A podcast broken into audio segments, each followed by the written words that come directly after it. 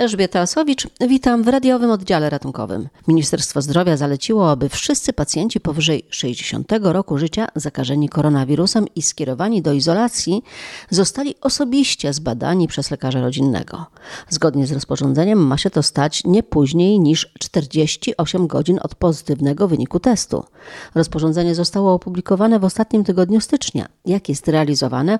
O tym rozmawiałam z konsultantem krajowym w dziedzinie medycyny rodzinnej, profesor Agnieszką Bastale-Szmigas. Problemem jest na pewno te 48 godzin, bo to jest bardzo wąskie okienko czasowe, zwłaszcza, że teraz często wyniki pojawiają się z opóźnieniem w systemie i mamy datę wykonania testu, a wynik mamy często następnego dnia dopiero y, do y, podejrzenia i no to rodzi problemy takiej bardzo szybkiej reakcji, gdzie często też ci pacjenci y, są w bardzo dobrym stanie i tak naprawdę to osłuchanie tego pacjenta nie niewiele wnosi. I tu mamy taki przykład, że jeśli sztywno próbujemy zapisać pewne zasady, to życie zawsze weryfikuje to negatywnie. To rozporządzenie miało no niejako zmusić do tego badania, ale trochę wylewamy dziecko z kąpielą. Nie patrzymy na względy merytoryczne, czyli będzie badanych mnóstwo osób, które tego nie wymagają, Jednocześnie, no, w sytuacji, gdy mamy na przykład ciężko chorego 59-latka, to tu już tego obowiązku zbadania nie ma i lekarz może powiedzieć: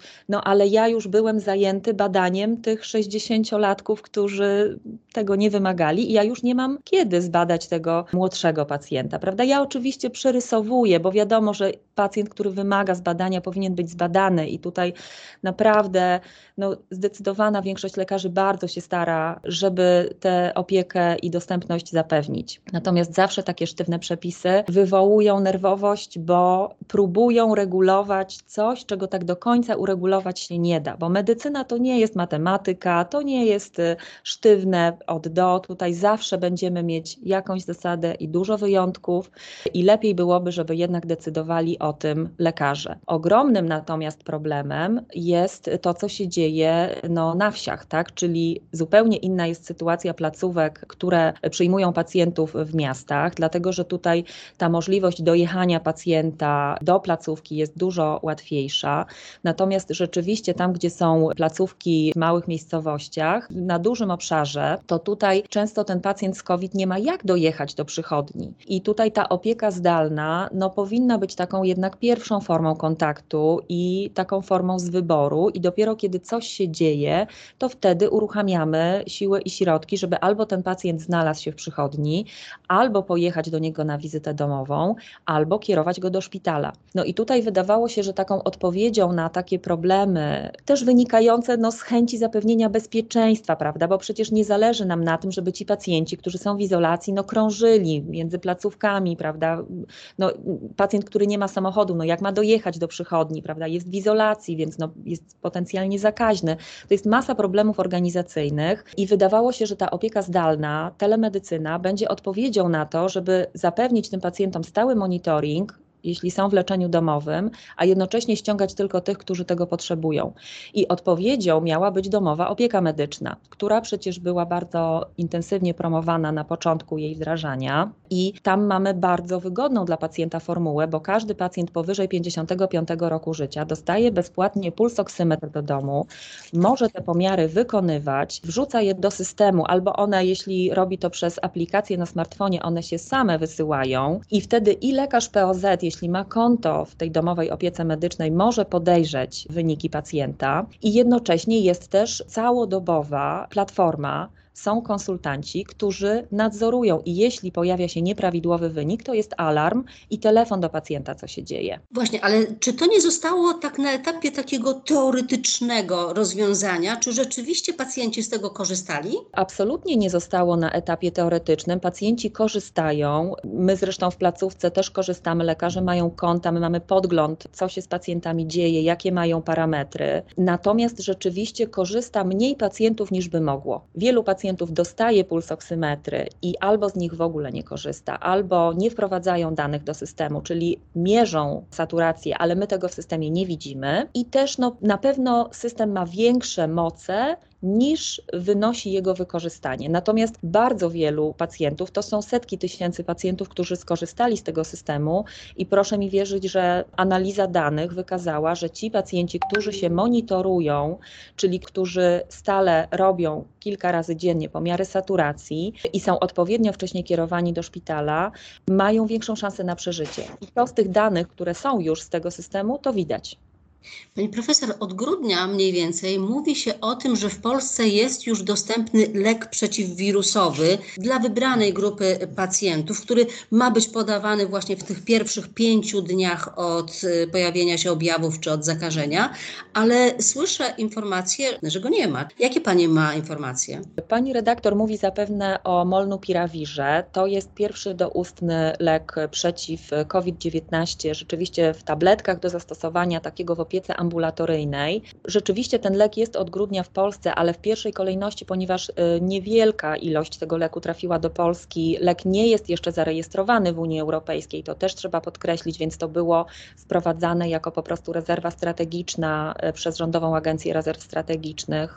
To był import z Wielkiej Brytanii, gdzie ten lek jest dopuszczony. I w pierwszej kolejności ten lek był przekazany do oddziałów hematoonkologii i do stacji dializ, czyli dla tych pacjentów najciężej chorych. I oni ten lek otrzymywali otrzymywali.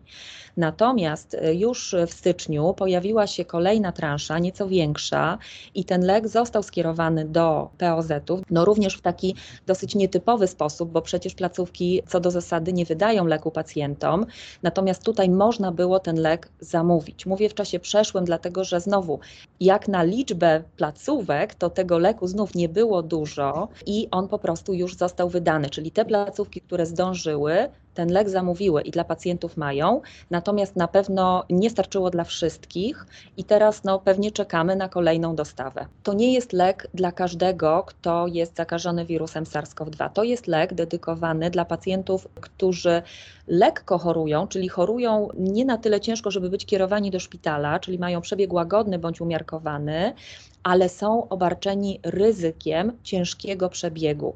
Czyli to są na przykład pacjenci powyżej 65 roku życia, pacjenci, którzy biorą leczenie immunosupresyjne, osoby po terapii czy w trakcie terapii onkologicznej, to są chorzy otyli z BMI powyżej 35, to są chorzy z cukrzycą, z przewlekłymi chorobami układu krążenia, więc oczywiście duża grupa, ale nie wszyscy. Widać, że zakażenia nowe idą w dziesiątki tysięcy, ale w szpitalach tych miejsc nie przybywa zajętych zbyt dużo. Szpital tymczasowy na przykład we Wrocławiu jest prawie pusty, dwadzieścia parę osób. Pani spodziewa się, że za chwilę te miejsca zaczną się zapełniać? Czy to jest tak, że rzeczywiście ten przebieg może być taki jak teraz? Po prostu czekamy. Rzeczywiście ruch, ja patrzę z punktu widzenia tego, co się dzieje w podstawowej opiece zdrowotnej, ruch pacjentów jest ogromny. Zakażeń jest bardzo dużo, pacjentów mamy bardzo dużo. Dużo testów wychodzi dodatnich, zarówno testów PCR, jak i testów antygenowych. Natomiast rzeczywiście przebiegi są dużo łagodniejsze niż to, co widzieliśmy jesienią. To są bardzo często, w tej chwili bardzo częsta postać kliniczna zakażenia to jest zapalenie gardła, zapalenie krtani, suchy kaszel, rzadziej niż to było wcześniej, więc często to są takie infekcje, jakie widzimy po prostu, infekcje przeziębieniowe. Mało osób kierujemy do szpitali, ale też to, co widzieliśmy w krajach, gdzie wcześniej już ta fala omikron przeszła, to widzieliśmy też, że te hospitalizacje były trochę opóźnione względem tego piku zakażeń. I teraz pytanie, co się pojawi, co się będzie działo w ciągu najbliższych dwóch, trzech tygodni, kiedy właśnie będziemy mieć hospitalizację które będą konsekwencją już zakażenia omikronem, a jeszcze nie zakażenia deltą, bo te hospitalizacje, które widzimy teraz, to są jeszcze w dużej mierze pacjenci, którzy są zakażeni prawdopodobnie tym wcześniejszym wariantem.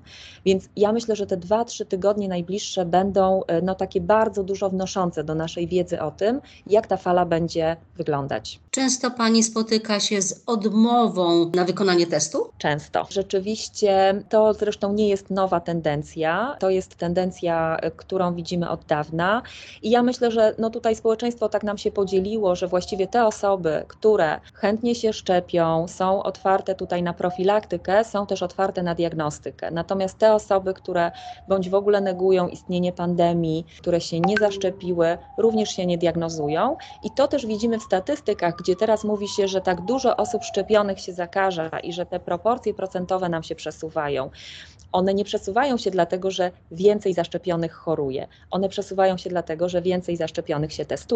Wypowiada się Pani od czasu do czasu na temat pandemii koronawirusa. Czy Panią też dosięga hejt, groźby pod swoim adresem choćby? Tak, to jest coś, co myślę dotyka każdą osobę, która publicznie wypowiada się na temat pandemii. Muszę przyznać, że tego jest bardzo dużo. Ostatnio jakby mniej, e, wydaje mi się, że te emocje e, w szczepieniach i w pandemii trochę opadły, ale rzeczywiście był moment, że konsultowałam się już z prawnikiem i chciałam uruchomić jakąś procedurę prawną. Ostatecznie do tego nie doszło z banalnych przyczyn, po prostu braku czasu.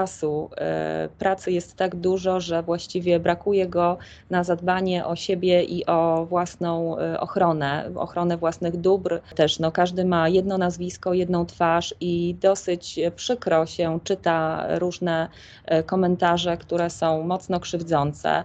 To są też często i groźby, takie bardzo bezpośrednio kierowane, typu znamy Twój adres, znamy Twoją rodzinę, przyjdziemy po ciebie. To są też często wyzwiska, takie, takie obelgi. E, to są też na przykład e, donosy do mm, pana rektora, formułujące, że tutaj wygłaszając pewne tezy łamią kodeks etyki lekarskiej. Różne metody, właściwie różnymi kanałami, zarówno przez media społecznościowe, jak i przez, e, przez mail.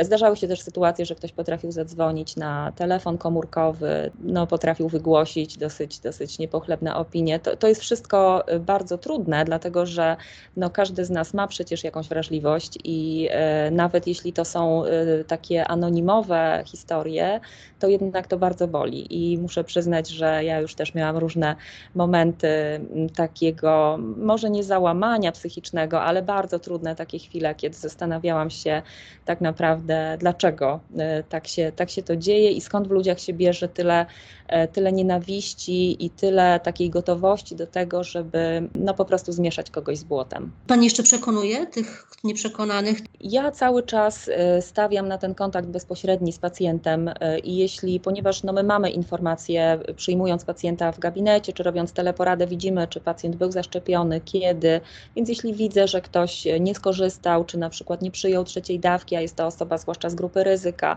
to po prostu pytam, y, co wpłynęło na to, że taka, taka decyzja zapadła. Często to jest tak, że kończy się decyzją, jakby prośbą o umówienie terminu, bo czasem ktoś jakby nie, nie do końca przykłada do tego wagę, potrzebował jakiegoś impulsu, więc ja nadal widzę w tym sens, w takim właśnie jakby bez, w takiej bezpośredniej rozmowie, wyjaśnieniu wątpliwości i tutaj myślę, że jeszcze mamy dużo do zrobienia i to się często udaje. Natomiast czy w takiej debacie publicznej my jeszcze mamy jakiś obszar do, do zagospodarowania? Myślę, że tak bardzo się już y, okopaliśmy kopali zwolennicy i przeciwnicy w swoich bańkach, przesunięcia tutaj chyba będą bardzo trudne. I to, że też opadły te emocje i dyskusje o szczepieniach, to wydaje mi się, że też wynika z tego, że każdy już ma tak ugruntowany pogląd, że wyciągnięcie kogoś, przeciągnięcie go na, na drugą stronę może być bardzo, bardzo trudne. Skoro nawet osoby takie, które, którym ktoś zmarł w rodzinie, nie są w stanie się przekonać do, do szczepienia, to tutaj wydaje się, że, że pole do działania jest już niewielkie. W radiowym oddziale ratunkowym dziś to już wszystko. Elżbieta Osowicz, do usłyszenia.